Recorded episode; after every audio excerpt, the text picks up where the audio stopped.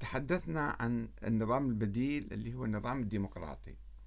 النظام الديمقراطي بغض النظر عن الجدل حوله هل هو يعني يتوافق مع الإسلام أو لا يتوافق كما آه، يقول السلفيون يعني ويشكك السلفيون هو احترام الناس ببساطة.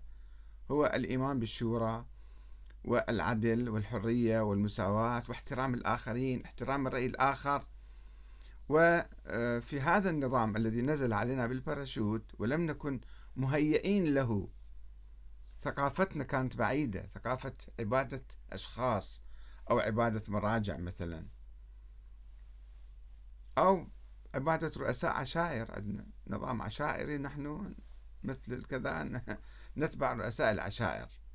فامتزجت العشائرية بالدين أحيانا وأنتجت لنا نماذج معينة هي أحزاب دينية عشائرية. وقلنا بهذا النظام يعني خضنا تجارب عديدة وعانينا من بعض الفشل وبعض المشاكل. لا أريد أن أنا أتحدث عن آه، فشل النظام الديمقراطي في العراق أو فشل هذه التجربة بنسبة معينة طبعا وليس بصورة آه، مطلقة. وكان هناك كلام حول آه، قانون الانتخابات فعدل بعض الشيء وأصلح بعض الشيء. وكان هناك قانون الأحزاب. قانون الأحزاب شيء مهم في أي نظام ديمقراطي.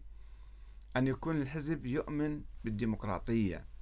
ويمارس الديمقراطية في داخله حتى يستطيع أن يمارسها في الخارج.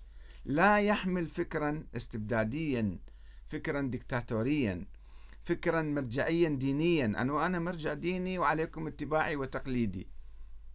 هذا لا يتفق مع الديمقراطية. الديمقراطية يعني أن كل إنسان يبدي رأيه بحرية ويناقش الآخرين بحرية ويحترم الآخرين جميعا ولكنه لا يعبد شخصا لا يعبد مرجعا لا يعبد زعيما.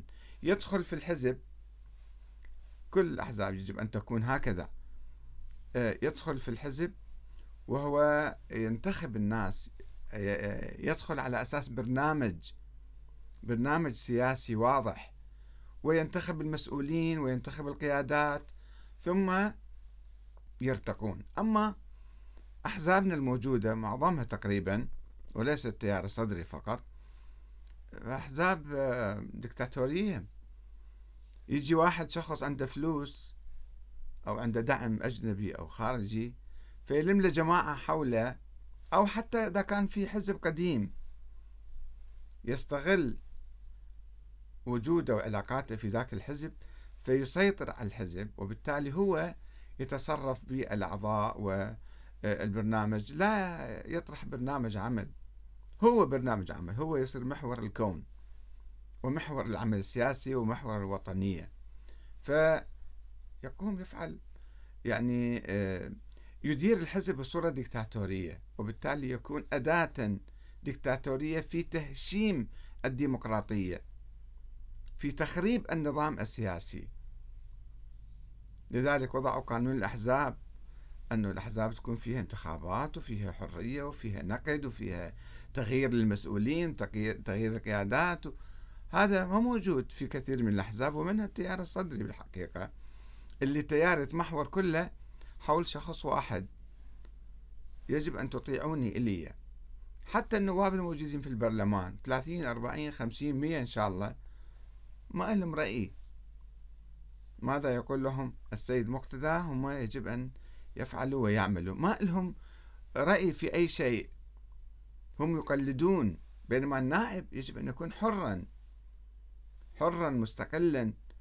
غير خاضع يعني لأي أحد يشوف ضميره ويشوف المصلحة الوطنية ماذا تقتضي فيقرر مثلا. لا أنه آه، يعني آه، يصوت أو يعمل خلافا لقناعاته. إنما أصلا ممكن ما عنده قناعات أداة فقط في البرلمان. ولأنه هو إجا بالبرلمان ليس بجهوده الخاصة إنما بأنه آه، انتمى لفلان واحد وذاك صعده بالانتخابات باسمه صعده. وبالتالي هو يفقد حريته لأنه أساسا أخذ رشوة وأخذ كذا وأعطى رشوة وصعد بالانتخابات. كثير من الأحزاب هكذا ليس فقط هذا التيار أو ذاك. فالنظام الحزبي شيء مهم جدا.